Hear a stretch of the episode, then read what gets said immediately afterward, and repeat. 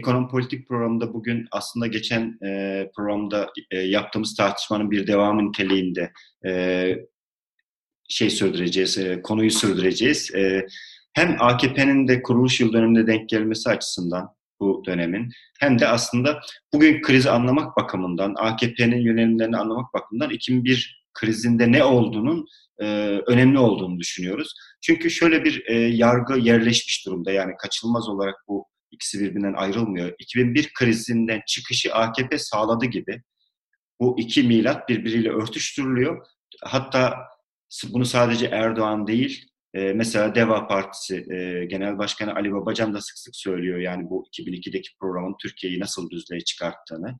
Oysa hem iki siya, hem siya, siya, e, ekonomideki bu dinamiklerle siyasi bu dinamikler birbirinden o dönem ayrıydı. Farklı farklı farklı krizlerin ürünü olarak ortaya çıktılar.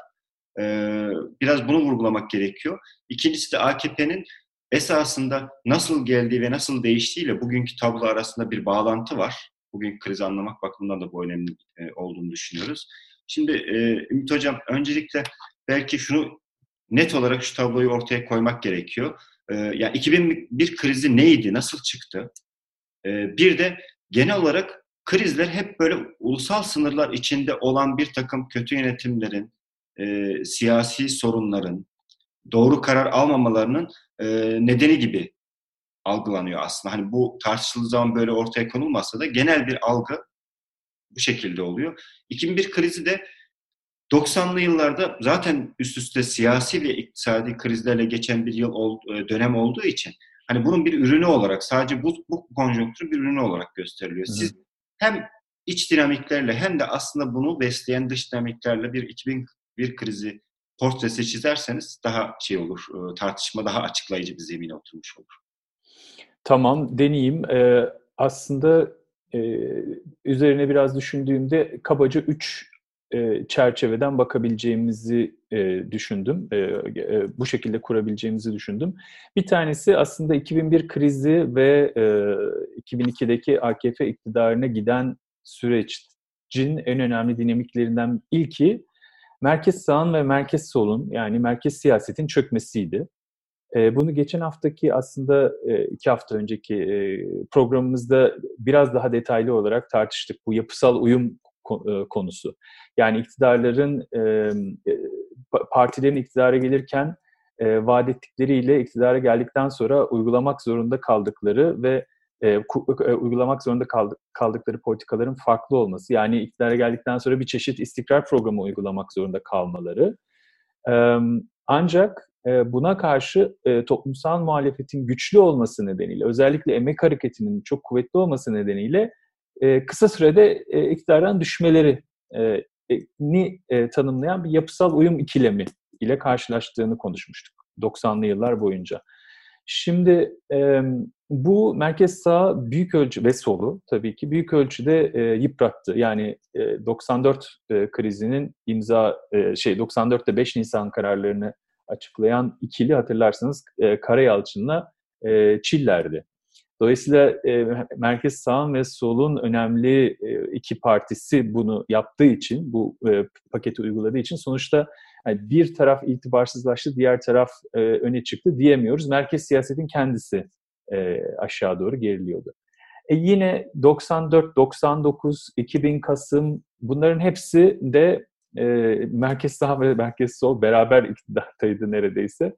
E, ve e, o erimeden bu partiler e, nasibini aldılar. E, bir de belki bu e, merkez siyasetin çöküşüne 28 Şubat'ı da ekleyebiliriz. E, çünkü e, orada da e, bir çeşit e, özellikle işte, e, ANAP'ın, e, Mesut Yılmaz'ın darbe sonrası, 28 Şubat sonrası hükümeti kuruyor olması ya da e, DYP'deki yalpalamalar e, daha muhafazakar seçmeni e, merkez sağdan uzaklaştırıcı bir e, işlev gördü. 28 Şubat karşısındaki e, merkez sağın ve e, tabii ki yani genel olarak da e, solu da e, siyasal İslamcılar darbecilerle eşleştirdiği için e, böyle bir e, demokrasi ve darbe ikilemi e, e, çerçevesinde hem merkez sağ hem merkez sol darbecilerin e, yanında gösterildi ve e, AKP'nin belki de siyasi başarılarından biri ya da siyasal İslamcı kadroların siyasi başarılarından biri bunu bu şekilde e, e, resmetmekti.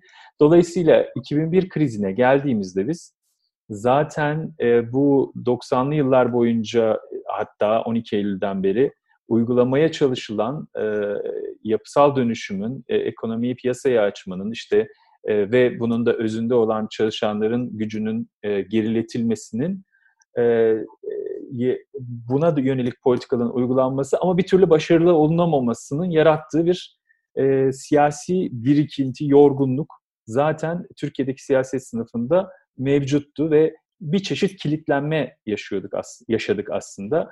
E, bu reformları uygulamak için aşağıyı ezmesi gerekiyor ama aşağısı direndiği sürece bu reformları uygulayamıyor. Sürekli kilitleni, kilitlenen bir sistem e, ile e, karşılaştık. 2001 krizine gelen şey oydu aslında. Şimdi daha teknik yanına e, aslında orası uzatacak o yüzden pek girmek istemiyorum ama bir başka programda belki daha 2001 krizinin teknik yanını e, tartışırız ama şeyi de vurgulamak lazım. E, 2001 krizi IMF programı uygulanırken ve hatta bizzat programa sadık kalınması nedeniyle ortaya çıktı.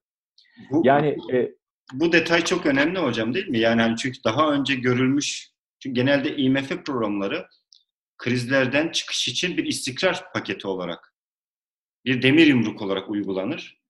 E, maliyet çalışan sınıflara, emekçi sınıflara yakılır. Dolayısıyla hani bir de uluslararası sermayenin e, şeyini uyumlaştırmış bir e, hatta girilir. Dolayısıyla sermaye akımları tekrar gelmeye başlar. İçeride ma- sıkı mali disiplin politikası uygulanır, kamu açıkları azaltılır falan filan. Hani böyle, böyle bir program. Onun 2001'in bir özgünlüğü bu sanırım yani 2001 krizinden evet. önce 98'de imza 98'de imzalanan IMF anlaşması esas olarak. Hı hı. Evet e, yani çok kısaca söylemek gerekirse o zaman Türkiye'deki e, işte enflasyonu ve e, enflasyonu düşürmek ve faizi sınırlamak için bir çeşit e, Merkez Bankası'nın para politikası yapma e, alanı sınırlanmıştı ve e, net iç varlıklarındaki artış net, net dış varlıklarındaki artışa bağlanmıştı. Yani Türkiye'de para politikası yapmak için sermaye girişi gerekiyordu. Bu koşula bağlanmıştı. Bir çeşit esnek para kurulu, teknik olarak söylersek esnek paralık kurulu diyebileceğimiz bir e, yapı söz konusu.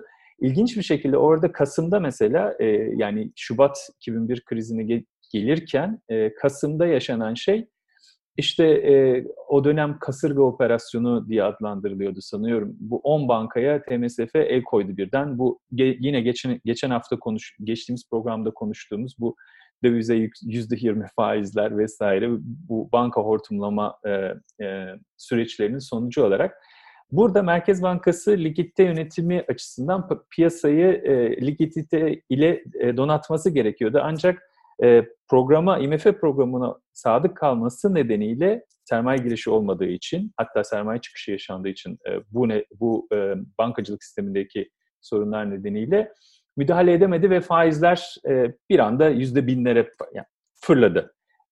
Sonrasında IMF Aralık başında bir destek, zaten yürümekte olan programı programdan bir kısım krediyi serbest bıraktı ama bu ancak Şubat'a kadar sürebildi. Neyse e, o teknik detaylara girmeyelim ama dediğiniz doğru yani program içerisinde bizzat programa sadık kalınması nedeniyle e, 2001 e, patladı. Şimdi oradan AKP'ye nasıl geldik kısmı belki AKP'nin bu siyasi girişimciliğiyle ilgili e, o ekibin e, o, o dönemdeki konjonktürü iyi okuması ve ona yönelik hamleleriyle belki e, şey yapabiliriz. Hocam e, bir belki araya girip şeyi Tabii. hatırlatmak gerekir. E, yani 2000, aslında 2001 şimdi IMF programı çöktü. Onu uygularken zaten kriz çıktığı için çöktü ki orada zaten daha sonra IMF'nin o zaman Stanley Fischer'dı. Arjantin'de deneysel bir e, enflasyonu baskılayacak bir e, deneysel program uyguladılar. E, hatta eleştirilmişti o zaman. Yani Türkiye'de bunun daha yumuşağını aslında belki uyarlamaya çalışmışlardı. Sonra birkaç yıl, iki yıl sonra zaten bunun öz eleştirisini verdi yanlış yaptık falan diye. Ama orada şöyle bir şey de var. Türkiye'de yani başında anlattığım gibi 2001 krizinin zaten içindeyken aslında krizden çıkış için bir hazırlıklar başlamıştı. Yani TMSF'nin el koyması sadece bir banka el koyma değil, aynı zamanda finansal yapıyı ıslah etmeye dönük zaten bir adım atılmıştı. Merkez Bankası'nın bağımsızlığına ilişkin yanılmıyorsam 2001'de karar çıktı. Yani AKP krizden sonra çıktı ama BDDK örneğin daha önce kurulmuştu. Yani aradaki o AKP iktidarından önceki o 6 ay 7 aylık sürede aslında bayağı bir e, şey atıldı, Tabii. atıldı. Yani Şubat 2001 ile Kasım 2002 arasında evet.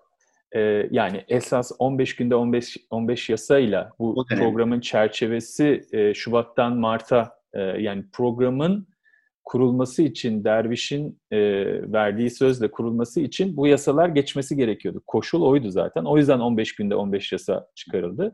Ve 15 günde 15 yasa aslında 2001 krizi sonrası ekonomi politikası çerçevesinde şekillendiren e, temel nasıl diyeyim kurucu metinlerdi, kurucu e, e yasalardı diyelim. Bir nevi ee, AKP iktidarının kurucu yasasıydı da aslında. Öyle demek. Evet, evet, evet. evet. Ee, bu dediğim gibi şey bu, şeyle birleştiğinde bu az önce bahsettiğim e, etkenlerle birleştiğinde merkez sağ ve merkez sol zaten çökmüş oldu. Yani e, hiç kimse bir itibarı kalmadı ve parlamentoya giremediler. O 90'ların önemli aktörleri. Bu arada tabii Adalet ve Kalkınma Partisi'nin kuruluşu işte 2000 yani seçimlerden hemen önce yani e, kısa bir süre önce e, kurulduktan kurulduktan sonra e, birkaç tane kritik şey yaptılar. Bir tanesi gömlek değiştirme hikayesi. Bu gömlek değiştirme hikayesi sadece siyasi strateji olarak devleti e, kafadan karşımıza almak yerine e, daha ılımlı e, e, siyasi e, e, siyaset güdeceğiz yaklaşımı ziyade yaklaşımdan ziyade ya da bunun yanında ekonomi politikası açısından da asıl esas gömleği orada değiştirdiler. E, yani adil düzen e, ile simgeleşen e, Refah Partisi'nin Türkiye'deki siyasa İslam hareketinin kurduğu e, bir e, İtalikameci modele göre e, şekillendirdiği bir e, ekonomik e, çerçeveyi geride bırakıp o gömleği tamamen çıkarıp o gömlekle ilişkisini yani o o anlamda geçmiş siyasa İslam hareketiyle kopuşu gerçekleştirip neoliberal ekonomik politikaları benimsemesiyle e, gerçekleşti. Bu bir önemli bir e, siyasi girişimcilik e, e, ayağı diyebiliriz, hamlesi diyebiliriz. E, bir diğeri tabii 2001 krizinin yarattığı öfkeyi örgütleyebildiler. Yani hatırlarsanız kent yoksullarının yaşadığı ya da işte e, COBİ'lerin ya da esnaf eylemleriyle hatırladığımız e, süreçte büyük bir toplumsal tepki. Yani Ankara'nın merkezinde e, panzerlerin ters çevrilip e, çok büyük kitlesel gösterilerin yapıldığı, TOB Başkanı'nın eylemlere gelip esnafı sakinleştirmeye çalıştığı böyle bir olağanüstü bir dönemden geçiliyordu. Yani kuvvetli bir kuvvetli bir e, sosyal tepki vardı ve bunun e, e, bunu kanalize edebileceği siyasi kanallar tıkalıydı. Çünkü zaten e, az önce söylediğimiz gibi ana akım partiler zaten e, bu sorunların yaşamalarına neden olan partiler. Onlar sonuçta bu kitlenin çıkarını temsil edemeyecek durumdalardı. Bir araya gireyim hocam, bir şey hatırlatayım. Yani Tabii. olarak da o zaman çok yakından izlediğim için o esnaf eylemlerini Hı. çok tartışılmıştı çünkü. Herhalde şöyle e, bir tablonun içine yerleştirdiğimiz zaman anlamlı oluyor. Yani AKP iman edilip gelmedi tek başına ama aynı zamanda bir sınıfın e, yani o, o dönemdeki o belirginleşmiş sınıf çatışmasının uzlaştırabilecek bir e, merkeze oturdu. Onu da nasıl yaptığını iyi anlamak lazım. Hı hı. Hani bugün çok tartışılır. Ya işçiler AKP'ye oy veriyor diye. Yani hani ne yaparsa yapsın madem onları eziyor. Yani sanki işçileri böyle doğrudan e, tutabiliyormuş gibi. Hı hı. Sanki onların üzerine doğrudan bir hegemonya kurmuş gibi bir algı var. Halbuki onu bir takım katmanlarla yapıyor. Mesela bu orta e, küçük işletmeler dediğimiz, esnaf dediğimiz kesimin çok e, özel bir işlevi de var aslında hı hı. AKP şeyi açısından. E, bir küçük veri not almıştım ben. 1997 bakarken, 1997-2001 arası hocam 500 sanayi kuruluşunun faiz gideri toplam katma değeri %45'ine ulaşmış. Yani neredeyse hani karları bankacılık sistemine aktaran, dolayısıyla o bankacılığa el koymanın, TMSF'nin e, operasyonunun bir şeyinin de bu olduğunu da görmek lazım. Yani sakat bir bankacılık sistemi var, bir rantiye sınıf yaratılmış ve bu rantiye sınıf istikrarsızlıktan, siyasi istikrarsızlığın, hatta koalisyonlar sayesinde aslında giderek büyüyen bir şey. Orada küçük ve orta boy işletmelerin e, yani nihayetinde bu sanayi sermayesi içinde büyük olanlar aynı zamanda e, kendi finansa da uyarlayabildiği için krizden bir nevi kendini koruyabiliyorlardı. Yani hatta o dönem karının üzerinde faiz geliri olan büyük sermaye grupları vardır. İki kat, üç kat faiz gelirine sahip. Dolayısıyla üretmese bile fazla bir üretimden e, bir değer artık değer toplamasa bile aslında finans olarak e, kendini güçlü uyarlayabiliyordu.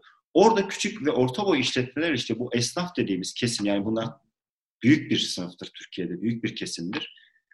Hem krize karşı kendini uyarlayamaması, koruyamaması, hem finansal olanaklardan mahrum kalması, hı hı. işte faiz, kur politikalar doğrudan aslında yükünün kendilerine yıkılması. Ondan yapabileceği tek şey de şuydu. Bu yüksek faiz yükünden kurtulabilmenin yolu ya ücretleri düşürmek ya işçi atmaktı. Hı hı. Onlar da şöyle bir şey yaptılar.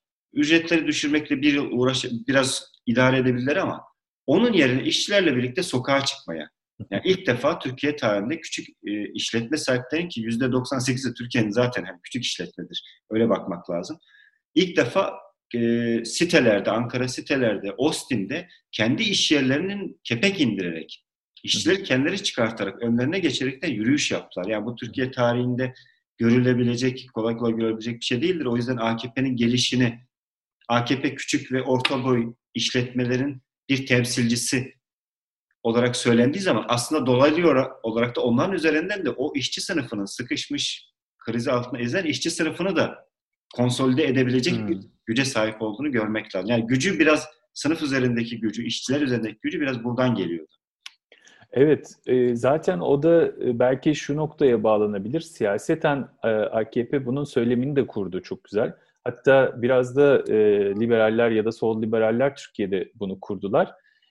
Şöyle bir şey yaratıldı AKP iktidarıyla. Türkiye otantik burjuvazisinin yani Anadolu kaplanların az önce, az önce sözünü ettiğiniz Kobilerin vesaire şey şeye karşı büyük burjuvazi İstanbul sermayesine karşı e, geliştirdiği bir demokratik, neredeyse 60'lardaki e, tartışmaya referansla söyleyeyim, milli demokratik devrim, demokratik devrim aşamasının e, gerçekleşiyor olduğu şeklinde e, bir e, teorik argüman da üretildi. Çünkü e, ona göre e, demokratikleşme ancak e, sermaye, bazı sermaye kesimi, yani bir sermaye kesimi ya da e, burjuvazinin genelinin ön, önderliği sayesinde gerçekleşebilir e, bir şeydir. Demokratikleşme ancak bu şekilde gerçekleşebilir e, bir e, varılabilen, varılacak bir merhaledir. O nedenle buna güzel bir şey oluşturdu. E, temel oluşturdu AKP'nin bu sınıfsal tabanına basıyor olması.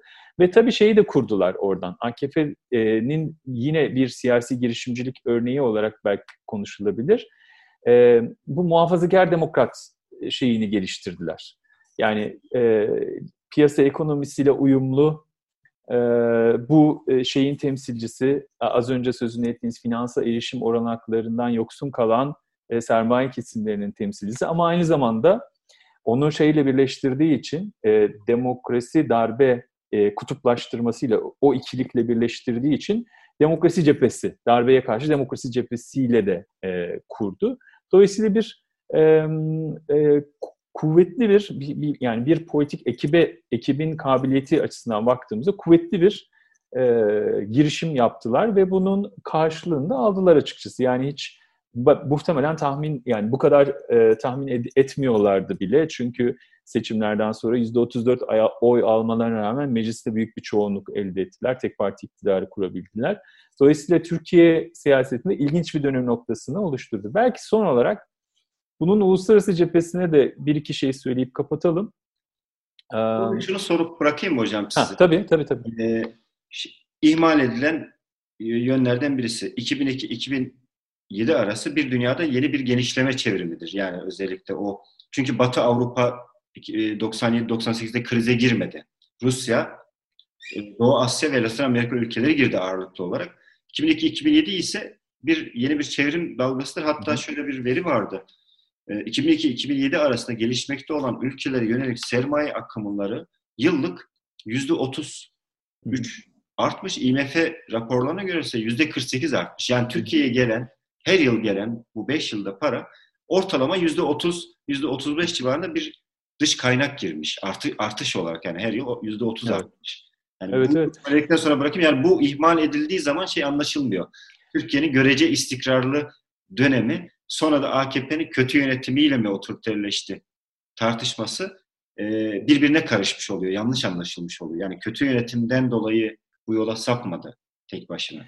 Bunu çok güzel söylediniz çünkü e, sadece istikrar değil, istikrarsızlıkları da aslında e, bu temelde okuyabiliriz. Ben size bir iki şey söyleyeyim. Ben de bakmıştım buna. E, Amerikan Merkez Bankası'nın e, faiz faiz oranlarından bahsediyorum şu anda. E, üç tane geç 90'lardan bu yana üç tane e, faiz artışı dönemi var e, Fed'in. İlki 93-95 arası. Burada faizi %3'ten %6'ya getiriyor. Oldukça yüksek bir faiz artışı. Çünkü şu anda düşündüğümüzde 0.25 arttırdı, 0.25 indirdiğiyle e, dünya ekonomisi çalkalanıyor. %3'ten %6'ya geldiğini düşünelim.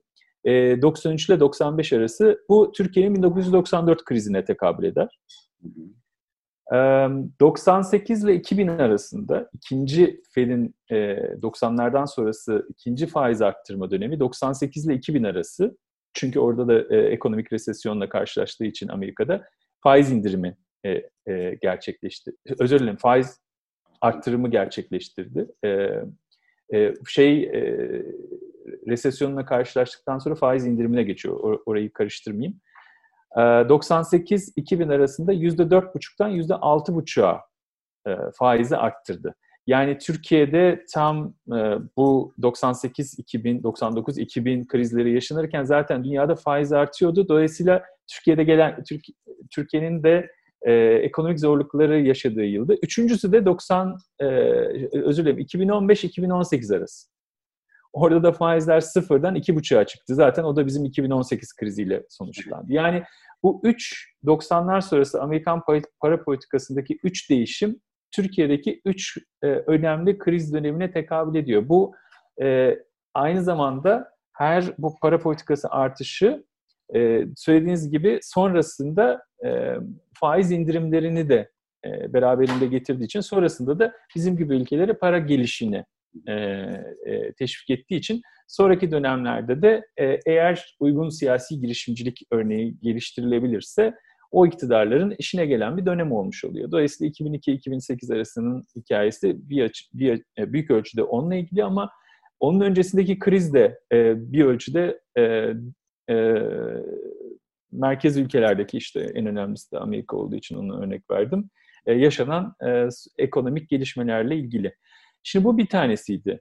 İki, ikincisi daha siyasi yanı 11 Eylül 2001'deki e, ikiz kulelere El-Kaide'nin yaptığı saldırı ve bundan sonrasında Amerika'nın geliştirdiği e, düşmanı ayrıştırma onların gözüyle stratejisiyle işte radikal İslam, ılımlı İslam ayrımı yapması ve ılımlı İslam'ı, ılımlı İslam projesini e, desteklemeye başlamaları.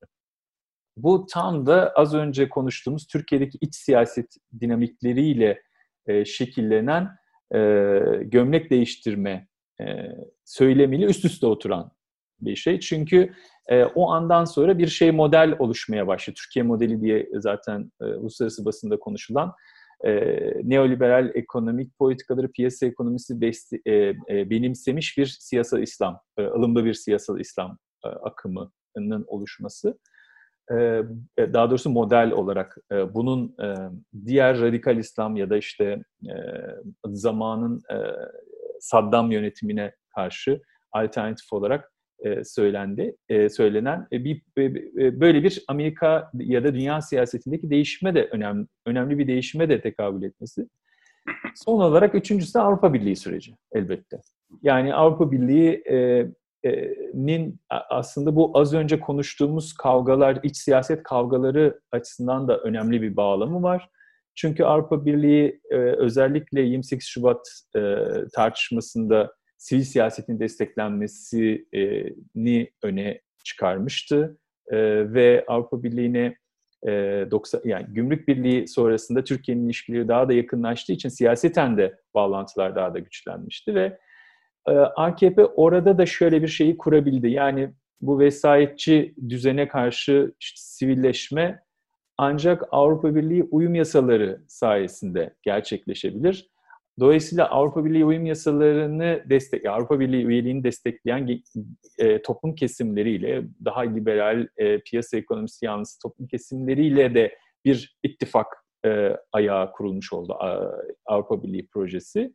Hem de e, şey bir hedefe yani e, iktidar e, seçildik ama henüz iktidar değiliz e, gibi bir tartışma vardı. O da aslında işte e, bir e, önceki e, müesses nizamı, Kemalist e, müesses nizamı, silah, e, o, e, ordu ve işte bürokrasideki e, eski sistemin e, sahipleriyle, öyle onların tabiriyle yaptıkları mücadelede Avrupa Birliği'ne uyum, e, uyum süreci müthiş bir e, kaldıraç işlevi gördü. Çünkü zaten e, işte MGK'nın sivilleştirilmesi, e, şeyin e, vesayet kurumlarının, ordunun siyasetteki rolünün azaltılması gibi tartışmalar zaten e, AKP'nin doğrudan e, orduyla yüzleşmesine gerek kalmadan Avrupa Birliği e, e, reformları sayesinde e, ortadan kalktı diyelim. Ya da Avrupa Birliği reformları sayesinde e, böyle bir ideolojik hegemonya kurabildi.